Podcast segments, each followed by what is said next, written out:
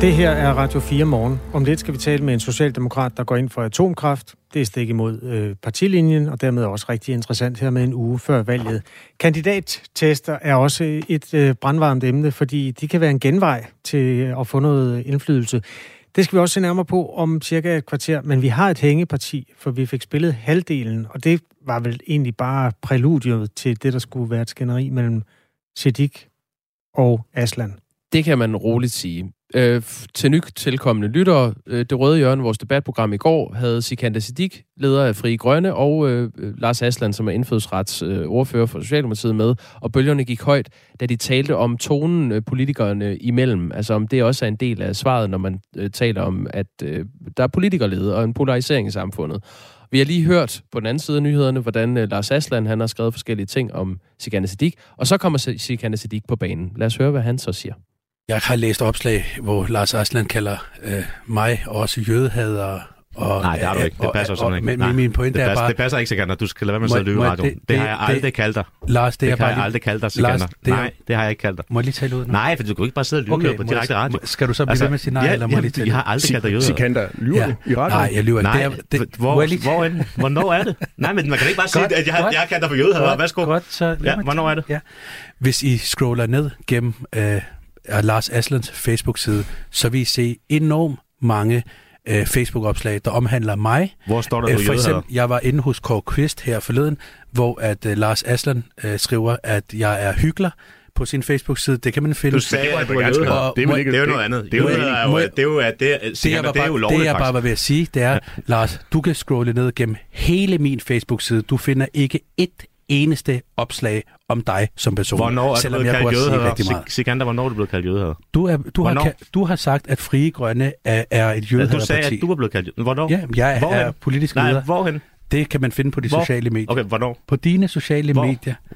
Jeg du kan jo ikke den eksakte Nej, nej, du kan aldrig dokumentere det. Det er jo bare De her, Men min pointe med at sige det her, det var bare, Lars ja. Aslan skriver, og nu siger han, jeg lyver. Ja, lyver Lars Aslan skriver ja. rigtig, rigtig meget om mig og partiet. Ja, det kan I, alle, alle lyttere kan gå ned Præcis. og scrolle igennem hans Facebook-side, og alle lyttere kan gå ned gennem min Facebook-side, og de vil ikke finde et eneste opslag om Lars Aslan. Ja, du er ikke blevet kaldt for jøder, Sikander, så du sidder og lyver på en eller anden måde opsummerer det meget godt tonen i dansk politik. altså det her, det handler egentlig om, at de skal vedstå sig, at der kan være noget politikerleder, og tonen nogle gange bliver lige lidt for hårdt trukket op. Det er godt nok svært at finde de der... Jeg sidder lidt efter jødehade opslagene. Ja, jeg har også prøvet. Jeg kan heller ikke finde dem. Okay, men han har kaldt dem hygler, og det... Ja, og, og flere gange sagt, at Sikane Siddiq øh, udtrykker sig racistisk, når han øh, taler om hvide over for de brune. Det var en øh, fin øh, omgang, det røde hjørne. Var det godt, at øh, det kan komme ud over sine bredder på den måde, fordi det er jo også et stykke balancekunst, at man skal dække politikken fra begge hjørner. Og det gør vi altså nu, både med det blå hjørne, som kommer om fredagen, og det røde hjørne, som kommer... ja, nu fik du det klokken 8 minutter over syv en tirsdag morgen. Skal der være atomkraft i Danmark? Det spørgsmål er aktuelt her i valgkampen, fordi vi står midt i en energikrise, og atomkraft vil kunne give grøn og stabil strøm. Socialdemokratiet er som parti imod men øh, det er altså ikke alle folketingskandidater fra Socialdemokratiet, som er øh, helt klar til at affeje den her mulighed for, at vi kunne få et atomkraftværk på dansk jord. Det skriver Jyllandsposten. Ifølge Jyllandsposten er to folketingskandidater imod partilinjen i Socialdemokratiet. Og det skriver de altså på baggrund af Danmarks Radios kandidattest. En af dem er dig, øh, Tejs Kylling Hommeltoft. Godmorgen.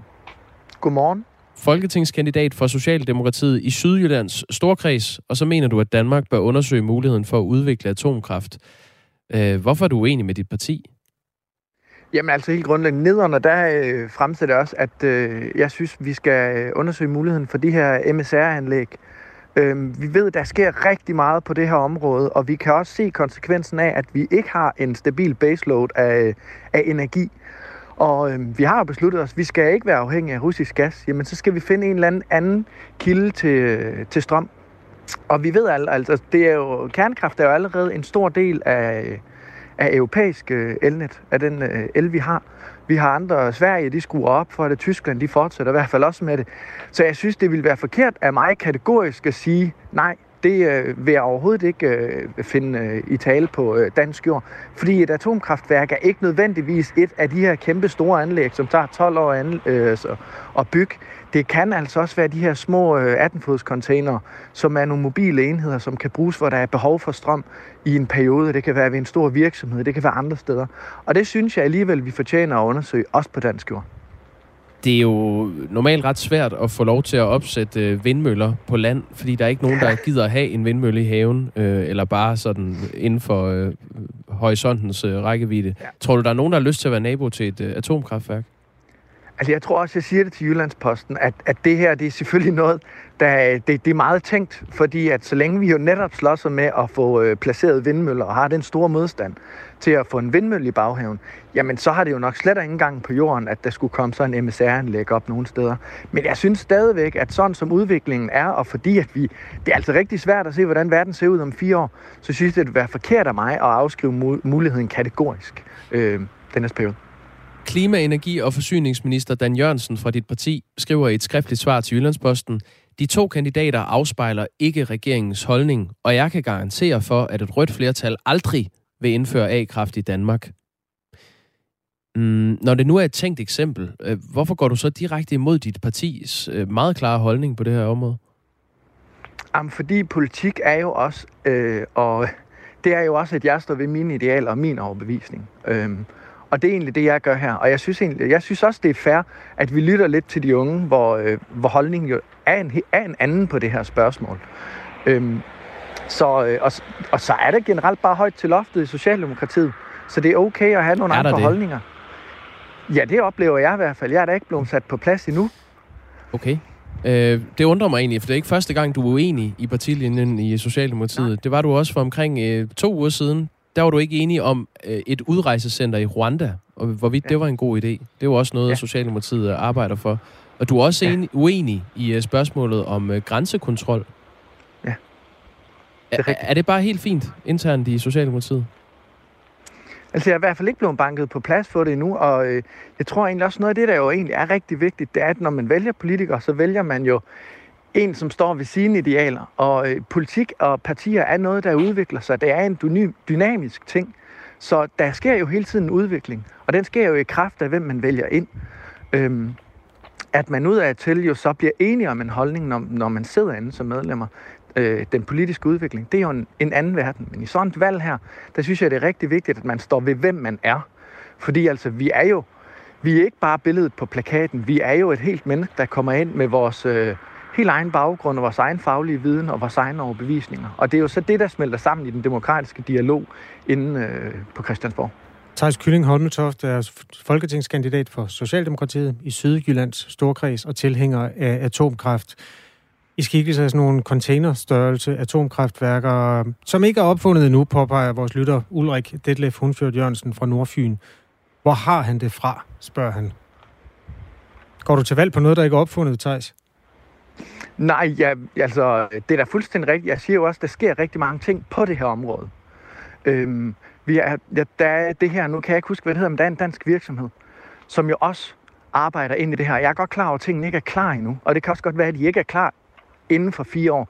Men derfor behøver jeg jo ikke at sige kategorisk nej til at, at, at lade de her virksomheder undersøge muligheden øh, fortsat. Øhm, så øh, altså det, det, det synes jeg ikke... Øh, jeg synes ikke, jeg går til valg på noget, øh, noget forkert. Altså, jeg siger bare ikke kategorisk nej til, øh, til, til kernekraft. Men altså, hvis jeg, der bliver opfundet den her type øh, atomkraft, så går du til valg på den? Jeg vil i hvert fald ikke afskrive muligheden for, at vi ville kunne anvende den på dansk jord, hvis, det er, hvis vi har behovet. Fordi vi jo netop også har behov for den her baseload, af, altså den her øh, kontinuerlige strøm. Øhm, og jeg synes, det er også helt fint, hvis vi er i samarbejde, fordi Europa er jo også, vi er et stort integreret elnet. Så det er også fint for mig, hvis vi ligesom går ind og siger, jamen vi vælger at tage de fluktuerende strømme med vindmølleenergi, solenergi, og så i et samarbejde med de andre, så sørger vi for at sikre hinanden hvor vi så tager, når vi har rigtig meget strøm fra vind, jamen det ligger vi over i brint, og, og så øh, øh, lærer det der. Det er fint for mig. Men i sådan en kandidattest her, så bliver jeg jo også spurgt til, helt generelt, altså hvad er min holdning til, om vi i Danmark skal gøre det? Øh, undersøge mulighederne. Og det synes jeg faktisk også, vi er forpligtet til, fordi vi har også et solidarisk ansvar i forhold til øh, vores naboer.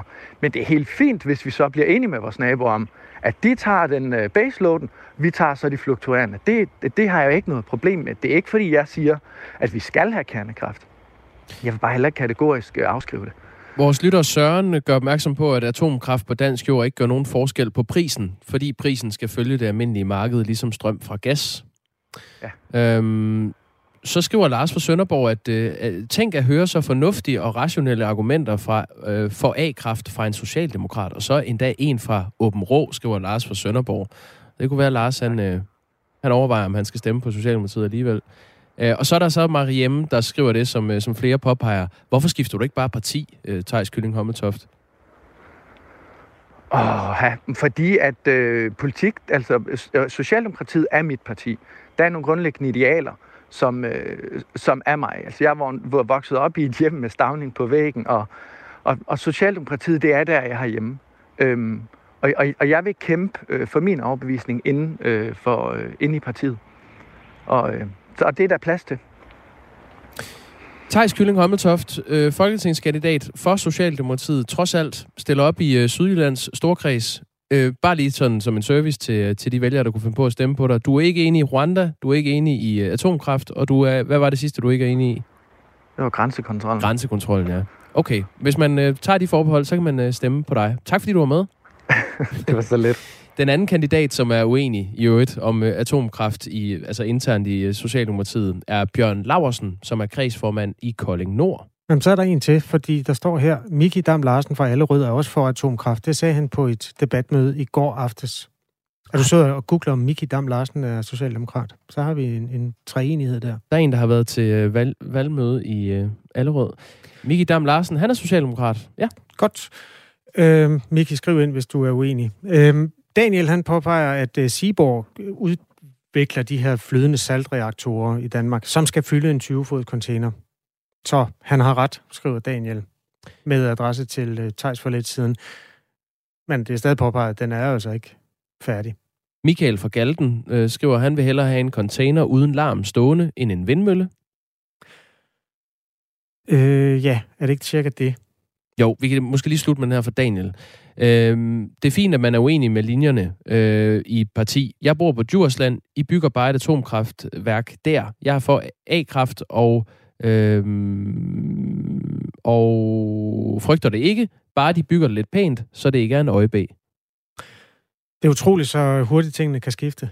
Altså for fem år siden var der et til, til nul partier, der gik ind for atomkraft. Jeg tror, Liberal Alliance allerede der var klar. Ja, men der, de bakkede på den efter Fukushima-balladen der, mm.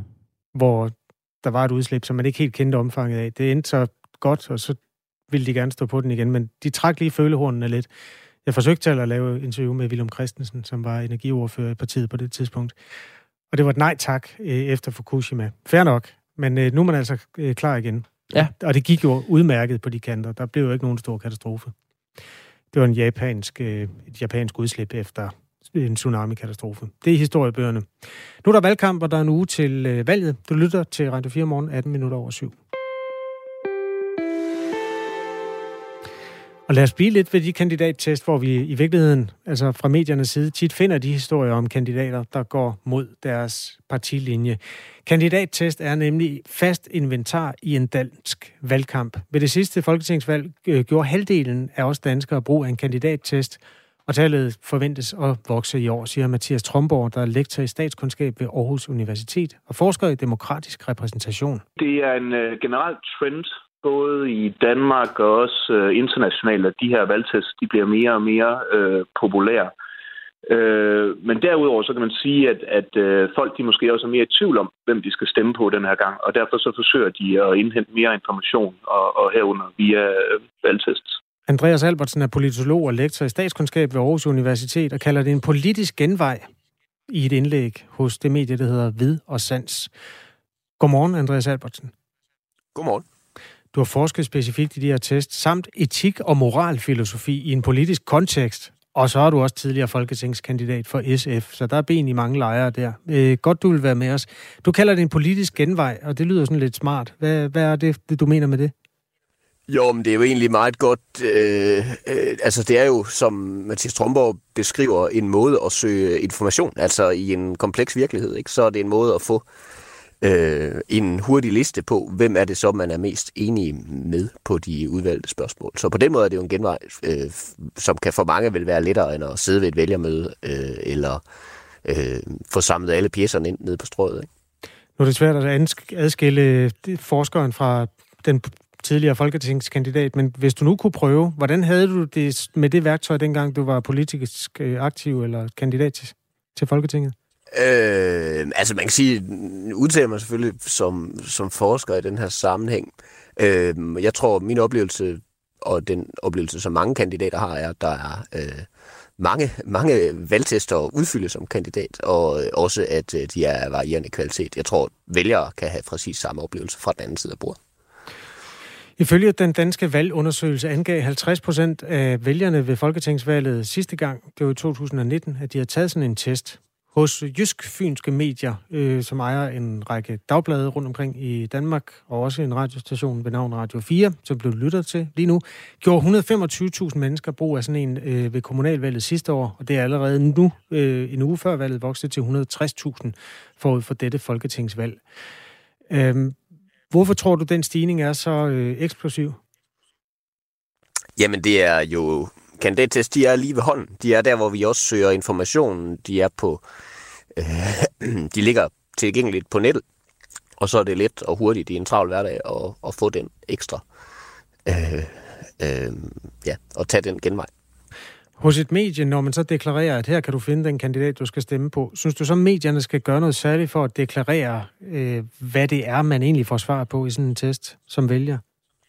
Ja, jeg tror godt, at vi kunne være bedre til at få sagt, at altså, det her det er jo et input til, hvad man kan stemme på. Det kan være et udmærket input, men det giver ligesom en, øh, en, ja, det giver en overblik over, hvem man er enig med på nogle udvalgte spørgsmål. Ikke? Øh, men det, det er jo ikke hele billedet for, hvad der kan ligge til grund for en, øh, for en stemmeafgivelse for den enkelte. Vi hører jo selvfølgelig gerne fra dig, der har prøvet sådan en test. Det må jo være cirka halvdelen af de mennesker, der hører morgenradio. Så hvis du har overskud her midt i madpakkesmørningen og til at skrive en sms til 1424 og fortælle, om det her værktøj var noget, der kunne bruges til noget, så må du meget gerne gøre det. Altså en sms til 1424. Øhm, en af de vælgere, der har gjort brug af sådan en øh, test, er Lone Pedersen. Hun siger sådan her. Der kan være nogle særlige punkter, altså, hvor jeg tænker, jamen det er faktisk så vigtigt, så at, øh, det er det, jeg også stemmer efter. Så kan det godt være, at... Øh, at jeg kun er 70 procent enig med det, men, men det er noget af det, der har betydning for, hvad jeg gerne vil stemme på. Det er et fint supplement, men jeg synes også, mange af de spørgsmål, der er derinde, der kan man sådan svare øh, ved ikke, eller øh, lægge sig neutralt, og så kan det jo godt have betydning for, hvad, hvor det så, øh, altså hvad udslag det bliver. Altså jeg håber da ikke, det er det, man alene baserer det på. Et supplement var det udtryk, Lone Pedersen brugte. Hvad synes du om det, Andreas Albertsen? Det synes jeg er en fornuftig tilgang, altså, og hun peger jo på nogle af de ting, der kan være udfordringer ved, og hvis man nu udelukkende forlod sig på en kandidattest. Ikke? Altså, det kan jo være, at man, at man i virkeligheden har nogle ganske få emner, der er afgørende for en. Og så er det jo ikke så vigtigt, om man er enig eller uenig på de øh, 30 andre spørgsmål. Øhm, og så ser vi også på kandidatlisten, at, at de kan have varierende held med, hvor gode spørgsmål de får, hvor relevante spørgsmål de får udvalgt, hvor gode spørgsmålsformuleringerne er, og alt det kan være med til at mudre billedet en lille smule. Ikke?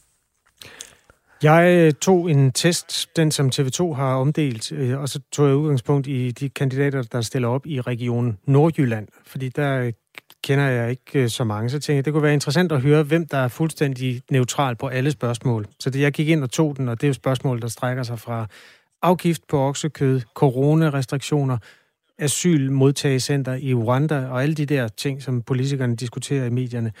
Og så svarede jeg neutral til dem alle sammen. Og den politiker, som jeg så er mest enig med, som dermed også er forholdsvis neutral, han hedder Henrik Bukhave fra Venstre. Ham er jeg 80% enig med. At, kan det egentlig... Øh, altså, kan man bruge det som sådan en, en genvej? Kan kandidaterne spekulere i, hvordan de får noget synlighed ved at, at sådan lægge sig lidt øh, midt der i smørhullet? Jeg tror, man skal være, øh, man skal nok have et lidt naivt syn på politikere, hvis man ikke tror, at der er nogen, der spekulerer i at svare øh, mere moderat, og måske endda den der lige midt på, for at, øh, for at blive vist til flest mulige vælgere. Øh, og derfor så, øh, så kan man sige, så fortjener man jo næsten at komme i, i radioen, hvis det, man har gjort, er, at man har sagt øh, ved ikke, eller neutralt til, til alle spørgsmål. Det synes jeg, det synes jeg Ja, det synes jeg er en, altså det, det er i hvert fald godt at, at diskutere, om der er nogle politikere, der ligesom der gør det for lidt for sig selv på den måde. Ikke? Øh, og der er jo så nogle af, der er nogle af dem, der designer kandidattester, der forsøger at komme udenom det her, hvis man ikke har en midterkategori, altså prøve at få politikeren lidt ud af busken, øh, og sige, at man kan godt sige, ved ikke, så tæller den bare ikke med i målingen. Øh, Øh, men, men man er nødt, altså forventer at folk stiller op til Folketinget, de har en holdning til de fleste ting, ikke? Øh, så de ikke kan svare øh, neutralt på alting. Dem, der er mest neutrale, det er altså Henrik Bukhave fra Venstre og Lene Burkhardt fra Konservative, efterfulgt af Maja Torp, som også er fra Venstre, og endelig Peter Lindholt, der stiller op i Nordjylland for Danmarksdemokraterne. De er øh, næsten 80 procent øh, neutrale på alle felter. Vi har fået en sms fra øh, Lasse, der lytter med fra Kolding, som skriver, ville ønske, man kunne tage en partilinjetest. Det er jo den, der bestemmer. Kun, kunne der være noget ræson i det? Altså, at man også havde sådan en linje, hvor man kunne se, hvad, hvad mener partierne? Øh, det, det, man, altså man kan sige, hvis man kigger ud over den, den store verden, så varierer det lidt, om man har en decideret kandidattest eller en partitest, hvor man bare får at vide, hvilket parti man er, man er mest enig med. Og øh, det er klart, at fordelen, mange danskere stemmer personligt ved at have kandidaterne, det er selvfølgelig, at, at det er en relevant information for mange. Og ulempen er selvfølgelig, at man godt kan risikere, at man er mest enig med en person, som øh, stikker noget ud i forhold til partiet. Nu havde jeg lige en, en diskussion tidligere om, omkring det, ikke? Og det skal kandidater selvfølgelig have lov til. Men det er klart, det skal, er man jo nødt til at også på en eller anden måde at tage med ind i sin, i sin stemmeafgivelse. Altså den person, jeg stemmer på, fordi jeg er enig med vedkommende. Øh, hvis vedkommende for eksempel ikke har en chance for at komme ind, er det så egentlig den bedste måde at fremme øh, mine synspunkter og stemme på den person? Fordi så ender det jo, stemmen jo i, i praksis hos en person længere op på listen, øh, som, som mener noget helt andet. Det er i hvert fald noget, man selv skal være opmærksom på som vælger.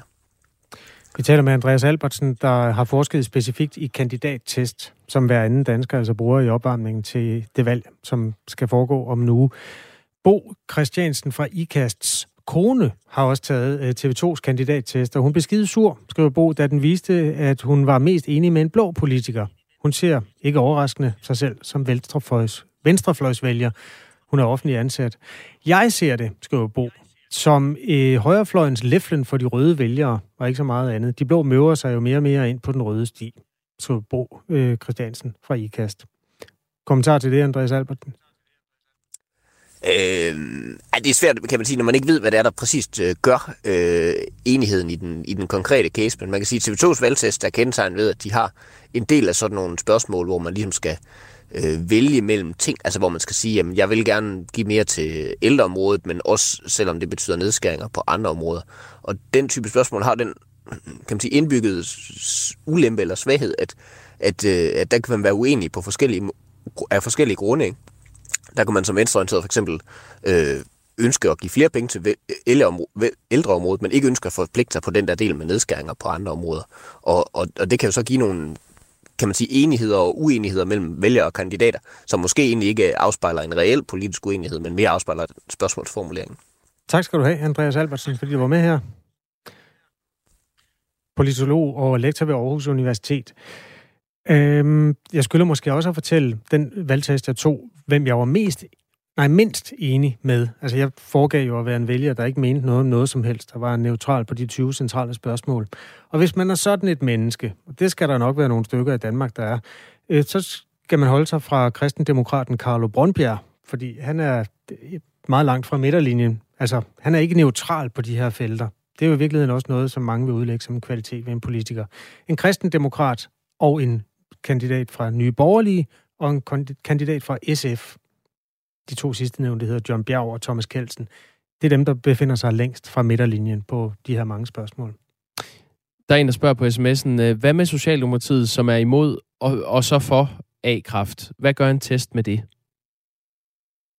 Der svarede jo så, at det er den enkelte kandidats øh, svar på, om vedkommende er for eller imod øh, A-kraft. Og der vil de fleste socialdemokrater være imod, men vi havde Tejs Kylling Hommeltoft med, som øh, stiller op i Sydjyllands Storkreds for partiet, som altså er øh, for.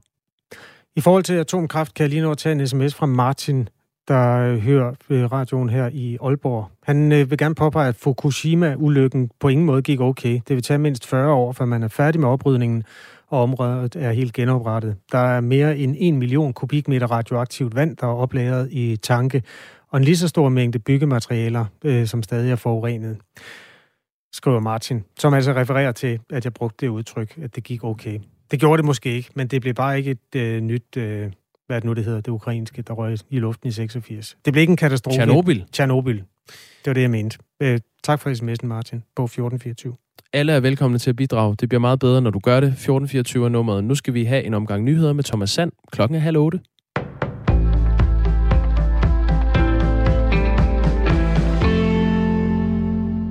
Ørsted har indgået en aftale med investeringsselskabet Copenhagen Infrastructure om at udvikle 5,2 gigawatt havvind i Danmark. Det skriver selskabet i en pressemeddelelse. Det vil være en fordobling af Danmarks nuværende mængde havvind, lyder det i meddelelsen. Aftalen indeholder fire forskellige projekter, som ventes at stå klar i 2027 eller 2028.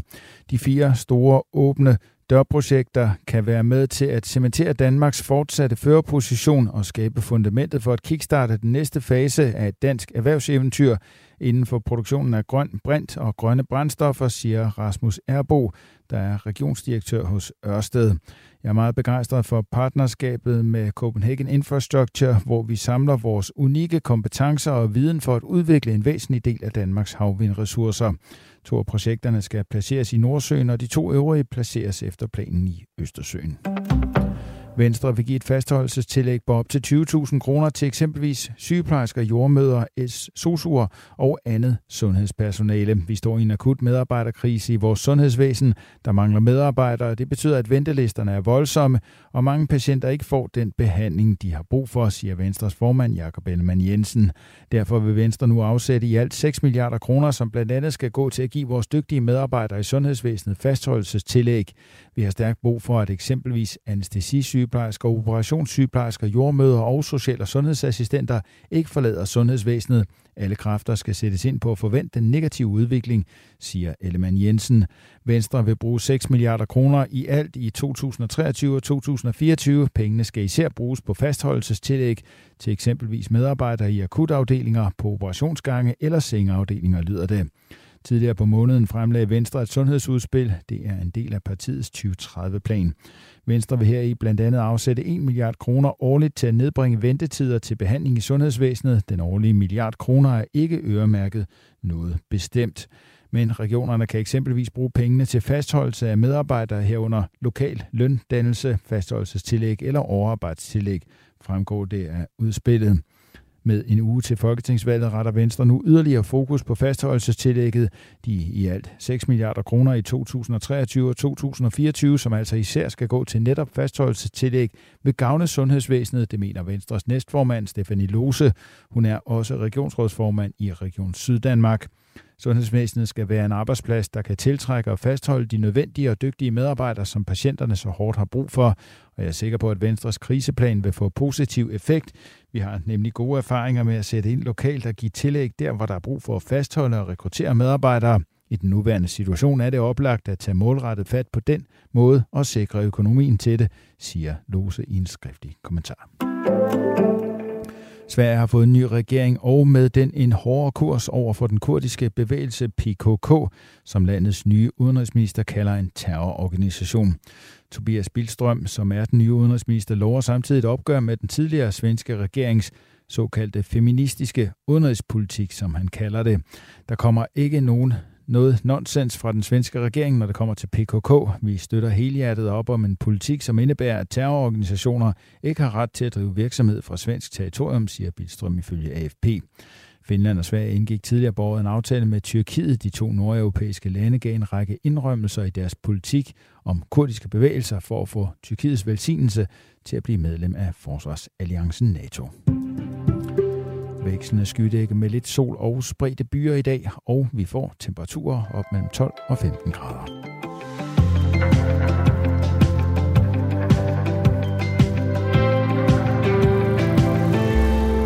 Der er nu til Folketingsvalget, og øh, der er kommet en dukfrisk måling fra Analyseinstituttet Voxmeter, som har nogle opsigtsvækkende resultater. Skal vi ikke tage dem, øh, Kasper? Jo, tak. Det, øh, vi sidder og klapper på, på blodårene for at, at få nye tal, vi kan forholde os til. Ja, det er nemlig det, det nutidens coronatal. Øh, måske det mest opsigtsvækkende er, at det konservative Folkeparti nu ligger under det valgresultat, de fik i 2019.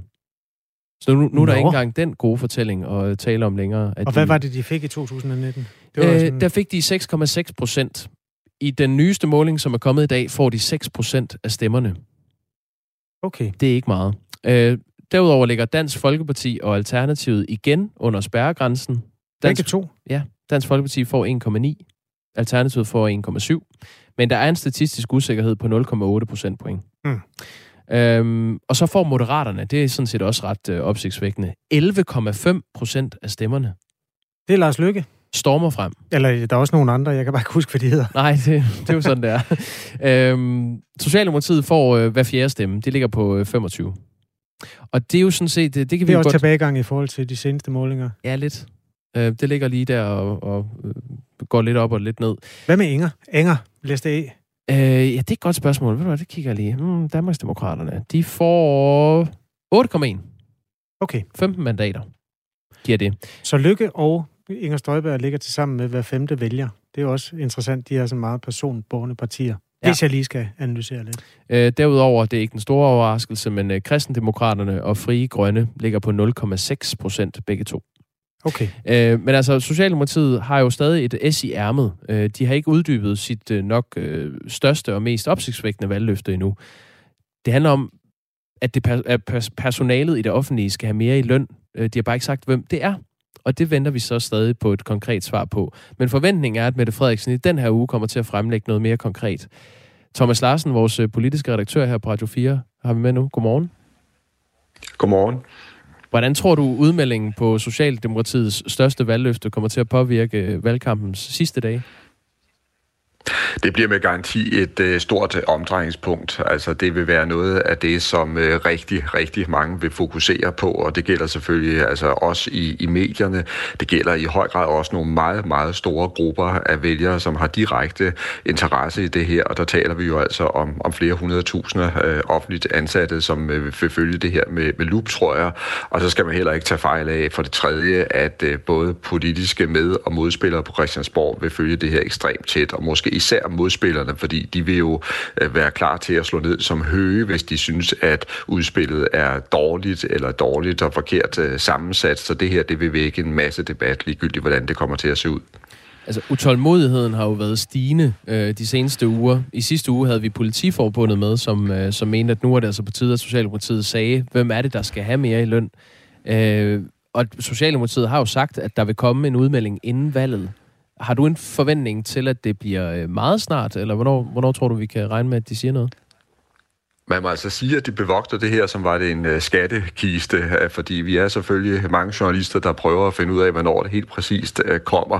Og beskeden er altså, at det er i den grad på trapperne, men det her med at få et klokkeslæt, det, det har vi ikke fået. Næsten ligesom da der skulle udskrives valg, men det er meget, meget tæt på, at det bliver den her uge. Med dine analytiske briller, hvad er så gevinsten for Socialdemokratiet ved ikke at have meldt noget ud endnu? Ja, det der vel har været den store gevinst for Socialdemokratiet, det er, at det er lykkedes for dem at have det her emne stående centralt i en stor del af valgkampen, og hvor alle har været klar over, at de vil gerne gøre noget. Så kan man sige, at man ved ikke, hvad det noget præcis er, men de har fremstået som partiet, der gerne vil gå ind og give sådan en hjælpende håndsrækning til en masse medarbejdere i øh, den offentlige sektor, som ifølge Socialdemokratiet skal have forbedret deres øh, arbejdsvilkår og lønvilkår. Så de har holdt hele det her tema øh, i spil, og det tror jeg egentlig har været øh, til gavn øh, for dem. Altså de har, de har stået som et parti, der gerne vil gå ind og, og, og hjælpe øh, en masse, masse medarbejdere, fordi det er jo det, der er tale om, når vi taler om den offentlige sektor her. Mette Frederiksen har ikke fuldstændig undladt at uddybe det her øh, valgløfte. I en af de øh, tv-transmitterede statsministerdebatter sagde hun, at det kommer til at dreje sig om de faggrupper, som der i dag er mangel på. Så kan man jo så begynde at gisne om, øh, hvilke faggrupper er det? Er det sygeplejerskerne? Er det sosuerne? Øh, hvor konkret tror du, vi skal forvente, at hun vil være, når eller hvis hun løfter sløret for, hvem i det offentlige, der skal have mere på bundlinjen? Det er virkelig, virkelig godt øh, spørgsmål, og det er alle øh, er spændte øh, på. Jeg tror stadigvæk, at vi skal tage Mette Frederiksen på ordet, når hun siger, at det bliver nogle principper, der skal styre, hvem der skal have mere i løn fremadrettet. Jeg tror ikke på, at hun ender med at gå ud og sige, at den og den specifikke gruppe skal efter min mening have mere i løn, og de skal have så og så meget mere i løn hver især. Det tror jeg altså ikke kommer til at ske, fordi hvis hun gør det, så går hun i hvert fald meget, meget langt i forhold til reelt at tage livet af den danske model som partiet jo selv er med til at støtte. Ikke? Og det er jo den model, der handler om, at arbejdsgiver og lønmodtagere i virkeligheden selv skal finde ud af, hvor stor og hvor høj lønnen skal, skal, skal være. Altså hun vil fuldstændig kortslutte hele det system, hvis hun gør det. Og samtidig vil hun jo altså også, kan man sige, øh, introducere en, en ny form for, for valgkamp, ikke? Hvis, hvis andre tager den her op, fordi så begynder man jo nærmest at vil kunne se ind i fremtidige valgkampe, hvor øh, forskellige partier vil begynde at udlove øh, højere lønninger til bestemte uh, grupper i samfundet. Og det tror jeg altså ikke kommer til at ske. Så det bliver noget med nogle principper, og et af principperne, det er fuldstændig rigtigt, Jacob, det kender vi, øh, det er, at lønnen især skal dirigeres hen til de steder, hvor der er allermest brug for øh, arbejdskraft, og hvor der er allerstørst mangel på arbejdskraft lige nu. Vi fortalte før om øh, den her friske øh, voksmetermåling, som giver Socialdemokratiet hver fjerde danske stemme øh, ved det kommende valg. Hvor stor ser du risikoen for, at øh, det her det kan være en boomerang, der, øh, der rammer øh, Socialdemokratiet i nakken, når de præsenterer, hvem der skal have mere i løn? Det er noget af det, der bliver så utrolig interessant at, at følge. Og det er klart, når man siger, at Socialdemokratiet altså får hver fjerde stemme, så lyder det måske ikke så imponerende, når Socialdemokratiet altså tidligere historien har været op på, helt op på, på, på 30 procent. Men sagen er jo netop, at når man kigger på Socialdemokratiets evne til at tiltrække vælgere i den her valgkamp, så er det faktisk meget, meget imponerende, fordi alle de andre partier er langt, langt bagefter Socialdemokratiet. Så jeg tror netop, at det her valgløfte, det har været altså en del af den lim, der har limet vælgerne til Socialdemokratiet.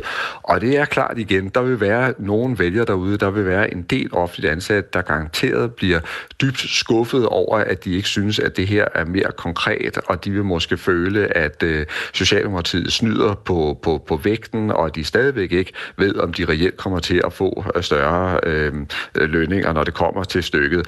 Så der er en stor risiko, og det er der også flere valgforskere, der har talt om, at øh, der går på, at Socialdemokratiet måske har indkasseret gevinsten i forhold til at tale om, at partiet gerne vil give mere løn til store øh, grupper i den offentlige sektor.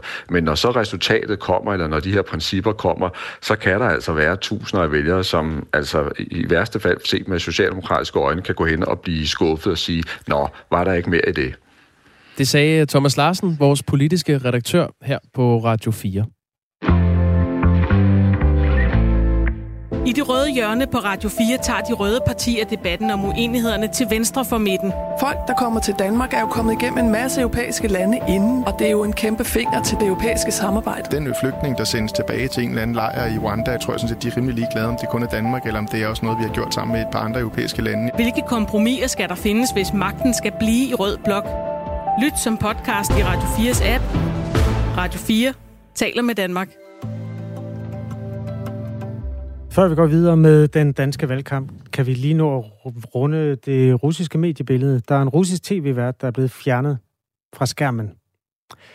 Anton Krasovski, han var øh, vært på RT, det vi hyppigt herhjemme kalder den statskontrollerede tv-station. Russia Today. Ja, den er ikke modstander af Putin i den forstand. Eller så skjuler det værterne det godt i hvert fald. Det må man sige. Nå, den her øh, tv-vært Anton Krasovski havde besøg af en forfatter, en russisk forfatter, der hedder Sergej Lukashenko, faktisk. Luk Lukashenko. Næsten ja, okay. potato, motato. Ja, præcis. Øhm, og de talte selvfølgelig om krigen og konflikten i øh, Donbass og den del af Ukraine. Forfatteren, han fortæller i det lydklip, du skal høre om et øjeblik, der er han sådan hen mod slutningen af en anekdote fra sit første besøg i Ukraine. Og dengang var det jo en del af Sovjetunionen, det var i 80'erne. Og der havde han mødt nogle ukrainske børn, som mente, at deres liv ville blive bedre, hvis ikke Rusland havde besat deres land. Mm. Og nu skal du spidse øre, fordi mens forfatteren er ved at forklare, så er det, at Anton der, han tager ordet og fyrer den rimelig meget af. Og det er russisk. Jeg skal så komme med en oversættelse bagefter. Ja, tak. абсолютно русские, русскоязычные, но себя А прям топить таких надо было в Писыне. Прям вот там, где плыны кача. Вот прям топить этих детей, топить. Это не прям ваш в метод. Тысыне. Это, это не ваш метод, поэтому вы интеллигентные люди, писатели, фантасты. Det Anton siger er, øh, de her børn, omtalte børn, de skulle smides direkte ned i en flod, hvor der var stærk strøm. De skulle være druknet i Tysynja-floden, lige der, hvor ællingerne svømmer. Bare drukken de børn. Drukken dem, gentog han.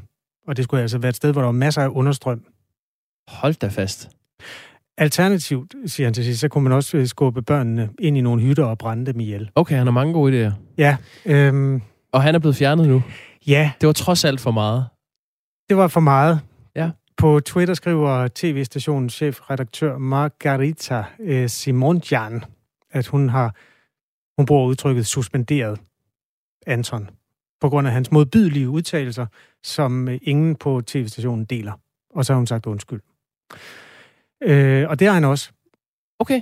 Med følgende citat. Alle ved, hvordan det er. Du sidder på åben skærm, og du kører dig ud af, at du kan ikke stoppe dig selv. alle okay. ved, hvordan det er. ja, det kender vi alle. Så det... kommer man til at sige sådan noget. Øh, han kender det i hvert fald selv, for det er ikke første gang, han bliver fyret. For ni år siden blev han fyret fra en anden russisk tv-station. øh, der var der gang i et eller andet øh, underholdningsprogram, og så øh, brugte han så lige øh, sådan en, et lille pause til at erklære, at han var homoseksuel. Nå, så blev han fyret? Ja, så blev han fyret ud. Det må man heller ikke være. Øh, på det tidspunkt var det ikke øh, lige det, man efterspurgte i det pågældende program på det pågældende tidspunkt. Jeg tror egentlig godt, han måtte være homoseksuel. Øh, han, det, det var jo sådan en anden... Det, det der ham, den vestlige sympati var noget større. Han blev faktisk interviewet på CNN, hvor han forklarede, hvorfor han sprang ud lige der. It's time to be open, and it's time to be open uh, for me. Det var ja. tid til åbenhed. Og det har han været lige siden. Ja, det kan man roligt sige. Øhm, han er parkeret lidt i et hjørne i øjeblikket, sådan, som tv-personlighed betragtet. Okay, Jamen, så må vi vente på, at han... Ja, han kommer sgu nok ikke tilbage. Jeg skal nok holde dig opdateret på Anton. Klokken er 14 minutter i 8. Det her er Radio 4 morgen. Vil det skabe bedre trivsel blandt landets unge gymnasieelever, hvis de ikke skal forholde sig til, om de har fået 0,2 eller 7 eller 12 for deres afleveringer? Det skal politikerne diskutere i valgkampen, og det kommer de også til at gøre her i radioen nu. Venstre og en række partier vil sikre flere penge til psykiatrien. SF vil have en minister for børn og unge. Og så er der enhedslisten og radikale og SF, som vil skrotte karaktererne for simpelthen at give de unge et bedre liv. Hos øh, de radikale, der er det Katrine Ropsø, der er uddannelsesordfører. Godmorgen. Godmorgen. Hvorfor skal 1. G være karakterfrit? Mm, det er jo vigtigt, at det kun skal ses som en del af en større pakke og en større indsats for at forvente den her enormt ærgerlige udvikling, vi ser med børn og unges mistrivsel, der bare stiger. Øh, men det, altså førstegerende skal være karakterfri, fordi du kommer fra folkeskolen og over i en helt ny form for uddannelse, der vil vi gerne give tid til at rent faktisk lære, komme til at falde til et nyt sted. Du har et grundforløb, hvor du skal tage stilling til, hvilke fag du gerne vil have på hvilke niveauer, hvad retning du gerne vil tage din gymnasielle uddannelse i. Have ro til rent faktisk at tage stilling til, hvad retning det er, du gerne vil øh, tage din uddannelse i. Og det tror vi på, at, øh, at vi kan komme et skridt af vejen til, hvis vi øh, fjerner karaktererne i første G. Katrine Ropsø er altså uddannelsesordfører for Radikale Venstre. Vi havde egentlig sat den op, så du skulle have kvalificeret modspil fra de konservatives ungdomsuddannelsesordfører, Gitte Willumsen. Øh, men hun tager ikke sin telefon lige nu, men jeg kan da gøre hendes ord Nå. til mine, for jeg ved godt, hvad hun står for øh, på det felt her. Øh, for det første, altså konservative er jo ikke modstandere af at tage unges trivsel alvorligt, men øh, hvis man ser på, hvor længe der er givet karakter i det her land, så mener man i den anden side af det politiske landskab ikke, at der er en sammenhæng øh, mellem de her ting og mistrivselen. Jeg tror, man sådan, vi har haft held til at nu at fange Gitte Willumsen i en telefon. Øh, er du med os? Ja, det er jeg. Hej. Perfekt. Hej. Øh, vil du ikke uddybe, hvorfor I ikke synes, man skal droppe karaktererne i første G hos konservative? Jamen, først så vil jeg godt sige, at vi tager også øh, mistrivelsen øh, meget alvorligt. Det har jeg sagt. Det er, ja, det, er, det er godt nok øh, slemt noget af det, vi ser rundt omkring. Men når vi kigger på karakterer, så er der ikke noget entydigt, der viser, at øh, det er det, der skal stresse de unge. Og for os så er det også vigtigt, at man ved, at når man laver en præstation, på hvilket niveau den er, sådan så man ved, om man er på det niveau, man selv ønsker at være på. Katrine Ropsø, øhm, der er ikke en, altså, nogen undersøgelser, der viser, at det er lige præcis karaktererne, der, der ødelægger det for de unge. Nej, man har jo faktisk haft undersøgt, altså haft en prøveperiode på, jeg mener, det var 15 gymnasier, hvor man prøvede at øh, fjerne karaktererne i 1.G. Og der var det jo lige præcis responsen fra de unge, at det faktisk tog noget af presset at få karaktererne væk. Det er en undersøgelse viser så også, at det kan være sværere at vide, hvor man ligger henne fagligt. Og det er jo derfor, vi er radikale også vil geninvestere massivt i vores uddannelser, så du rent faktisk kan få den tid med din lærer og vide, hvad det er, du kan gøre bedre, hvordan du kan udvikle dig fagligt. Hvis du kan koble de to ting, så kunne du lette noget af presset, og stadig sørge for, at du fik langt mere læring ind, og vidste, hvor du lå hen fagligt, og hvad du kunne gøre bedre. Og så tror jeg faktisk på, at vi kunne tage nogle skridt i den rigtige retning, i stedet for bare at skyde øh, de nye idéer ned. Hvis vi nu bare bliver ved af øh, det nuværende system, så er det jo altså sådan, at øh, de får også karakterer i folkeskolen, så de har jo vendet sig til det med, at der kommer et tal, der vurderer deres egenskaber. Skal den også afskaffes? Nej, vores forslag lige nu i hvert fald er jo, at man afskaffer det i første G, og det er det jo fordi, at man lige præcis har det her skifte fra folkeskolen over til en helt ny uddannelsesform, hvor du kommer ind på et grundforløb og rent faktisk skal til at tage stilling til, jamen vil jeg have kemi eller samfundsfag på højniveau, og hvad retning vil jeg gerne tage min ungdomsuddannelse i? Og det synes vi faktisk, øh, at der skal være ro til og plads til at gøre i første G. Gitte Willumsen fra Konservative, hvis nu man kan lave et system, hvor feedbacken fra læreren er bedre, end den er nu, eller mere, den fylder lidt mere, så ved man jo godt, om man har løst sin opgave godt eller ej. Hvis det så samtidig kunne give lidt velvære eller mindre stress, at der ikke var karakter, ville det så ikke være et, et, kunne det så ikke friste jer på nogen måder i konservativ at fjerne Nej. karaktererne? Nej, vi, vi tror faktisk på, at øh, man har brug for at have en helt præcis indikator på, hvorhen man er. Jeg har selv øh, været lærer i rigtig, rigtig mange år, og jeg har haft kollegaer, der nede i 7. klasse har lavet alle mulige mærkelige krumspring, fordi eleverne efterspørger det. Så har man fået stjerner og hjerter, og så har de lavet deres egen lille skala på den måde. Altså, eleverne er faktisk rigtig glade for at vide, hvor man ligger, og, og have et præcist billede af det. Og det, øh, det ønsker vi ikke at lave om på. Hvis nu øh, vi kigger på en undersøgelse fra øh, Center for Ungdomsforskning på Aalborg Universitet, så viste den tidligere på måneden, at 44 procent af de unge mellem 16 og 25 år oplever en grad af mistrivsel. Blandt andet fordi alting skal gå hurtigere end tidligere. Man skal også hurtigere gennem uddannelsessystemet og have en følelse af, at man skal vide, hvad man vil med sit liv meget tidligt. Man bliver målt og vejet hele tiden som ungt menneske. Hvad vil I så gøre ved det i konservative? Jamen, hvis man kigger på, hvordan ungdomslivet har ændret sig over de 20 år, så er der nogle ting, der ændrer sig markant. Altså, man bruger meget mere skærmtid, man er mindre aktiv fysisk, og kosten har også ændret sig. Så jeg tror, man skal til at være opmærksom på, hvordan er det, man gerne vil leve sit liv. Og, og vi får en debat omkring, hvor meget skærmtid skal man bruge, og få lavet nogle bedre fællesskaber, man kan deltage i, både på foreningsliv, men også på uddannelsesstederne, sådan så der er et alternativ til den meget skærmtid, og det, at man er inaktiv. Det tror vi på, at det er det, øh, de unge de øh, har brug for. Okay.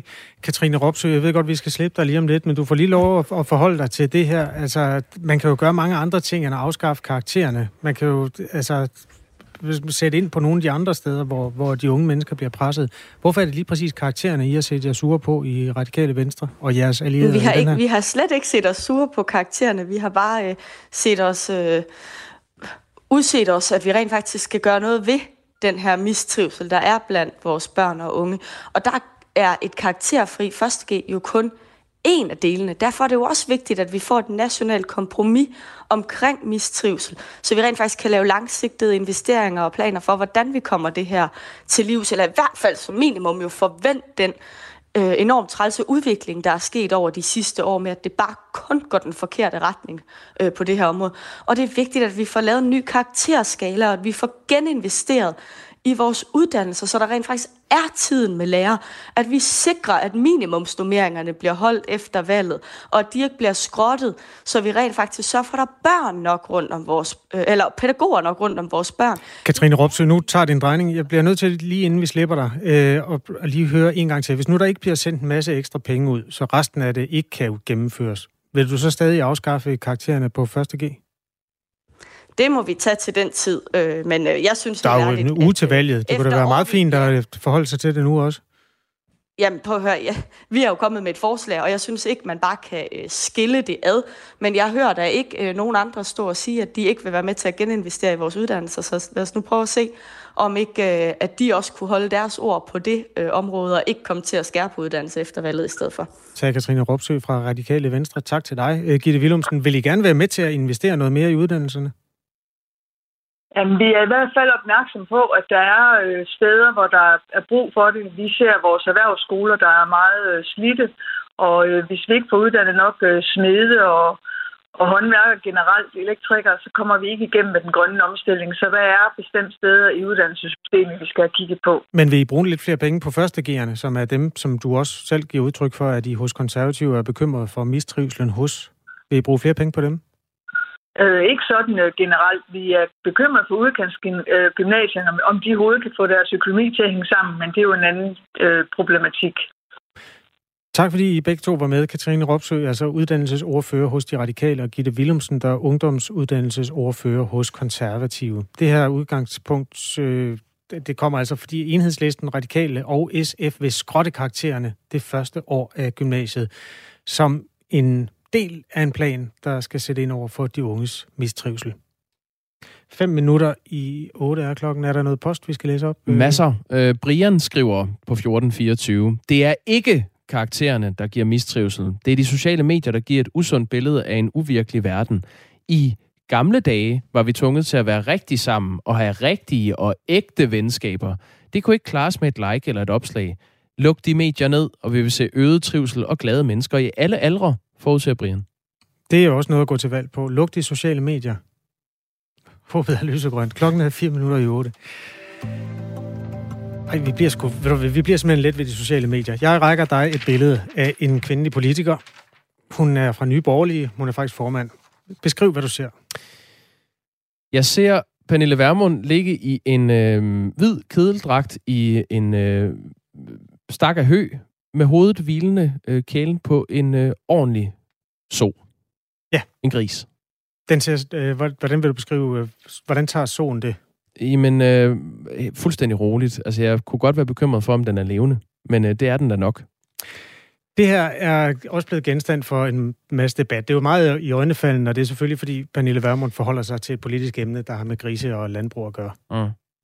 Men øh, der er også mange, der bare forholder sig til billedet som et billede. Og en af dem er fotografen Jan Graup, som øh, slet ikke kan holde det ud. Han går på, det, er jo, det er jo noget, hun har delt på Instagram, Nye Borgerliges øh, politiske leder. Og det har fået masser af omtale. Det er også fortjent. Øh, Jan Graup, han omtaler det på følgende måde. Vi er forskellige, vi er nødt til at række ud mod hinanden og finde ud af, hvordan vi gør det bedst fremtidsmæssigt. Og det gør man ikke ved at kæle med en fed gris. Vi lever i et samfund med en kæmpe svineindustri. Det er fair nok, men at ligge og posere med en gris, så det ligner noget fra en pornofilm fra 70'erne. Ej, stop jer selv. Kan vi ikke finde en bedre måde at diskutere politik på i 2022? Skriver fotograf Jan Graup på sin øh, sociale platform. Mm. Øh, det fine dagblad BT har jo så ringet til Værmund og sagt, hvad siger du til det? God idé. Hvad siger hun til det? Jeg citerer. Det er ikke første gang, at der er folk, der går så meget op i fremtoning og udseende, når det handler om kvinder i politik, siger Pernille Vermund. Okay. BT spørger, hvorfor tror du, at det handler om dit køn? Pernille Vermund svarer, det er helt åbenlyst. Det er ikke længe siden, Dan Jørgensen stod i en våd skjorte og lavede samme billede, som jeg lavede for et år siden, som jeg blev udskilt for. Dan Jørgensen har også stået med en gris i hånden, og det er han heller ikke blevet udskammet for. Citat slut. Jeg har faktisk billedet af Dan Jørgensen. Vil du se det? Ja, tak. Dårlig er det der, radio. hvor han dukker op af vandet ude i Øresund? Nej, nej, nej. Altså Nå, der, hvor han står med en gris. Og kælegrisbilledet? Ja. Det er fra 2015. Han har øh, blå overalls på og en stram t-shirt, så man kan se hans svulmende overarme. Og så kæler han med en gris. Ja, det er lidt svært at formidle billeder i radioen, men det er bare, Pernille Vermund, hun spiller kvindekort i den her, hvor hun siger, den eneste grund til, at nogen lægger mærke til det her billede, det er, fordi jeg er kvinde. Er der nogen forskel i den måde, de positionerer sig med deres øh, på? Jeg vil sige helt klart. Øh, Dan Jørgensen-billedet er et situationsbillede, hvor han står og taler med en øh, landmand. Pernille Vermund-billedet er, hvor hendes hoved hviler lige i det gyldne snit, og hun kigger direkte på beskueren med let åben mund øh, i den her øh, let opknappede øh, kedeldragt. Jan Grav, fotografen, mener altså, at det ligner noget fra en pornofilm i 70'erne. Jeg tror, han refererer til den, der hedder Ornepin Bodil, Øh, man kan finde den på nettet. Hvad er det nu, det er for en film? Jamen, det er en film, du kan finde på nettet. Øh, BT har så spurgt Pernille Vermund, hvad siger du til det? Hun svarer, en pornofilm. Jeg ligger i en kedeldragt. Det kan være det, fordi jeg har hårdt slået ud. Der er nogle kulturer, hvor man ikke mener, at kvinder skal have det, og hvor man gri- mener, at grisen er et beskidt dyr, og det er skørt. Nu ved jeg ikke, hvilket kvindesyn han har. Jeg har i hvert fald aldrig set sådan en pornofilm. Jeg tænker mere baronessen fra benzintanken siger Pernille Vermund. Uden at uddybe nærmere, hvordan hun tænker på den. Ja, det er, med, det er en meget fredelig film med ja, Gita Nørby. Den har jeg sige. set. Jeg, jeg mener ikke, at der er sådan en scene med Gita Nørby, hvor hun ligger med hovedet på en gris. Det er i tvivl. Mm. Det her, det er en politisk debat, og det der gamle udtryk, det eskalerede hurtigt. Det kan man godt bruge en gang til. Hvad var det? Øh, det handlede også lidt om muslimerne? Ja. Lige kort. Den, den kom også lige ind over. Mm. Det er også interessant, fordi Mette Frederiksen spillede kvindekort i et debatprogram her på kanalen, og så stak det fuldstændig af. Nu kommer der så også et kvindekort der. Så det, altså, der er en uge til valget, og det, det er rigtig fint, alt sammen. Der, det er jo en, øh, en billedserie, hvor hun også står med en lille kælegris på et andet billede, øh, hvor hun har tagget sin mand på Instagram som den lille gris. Der er fart på på Instagram. Nu er der nyheder på Radio 4, som du lytter til. Thomas Sand er vært klokken 8.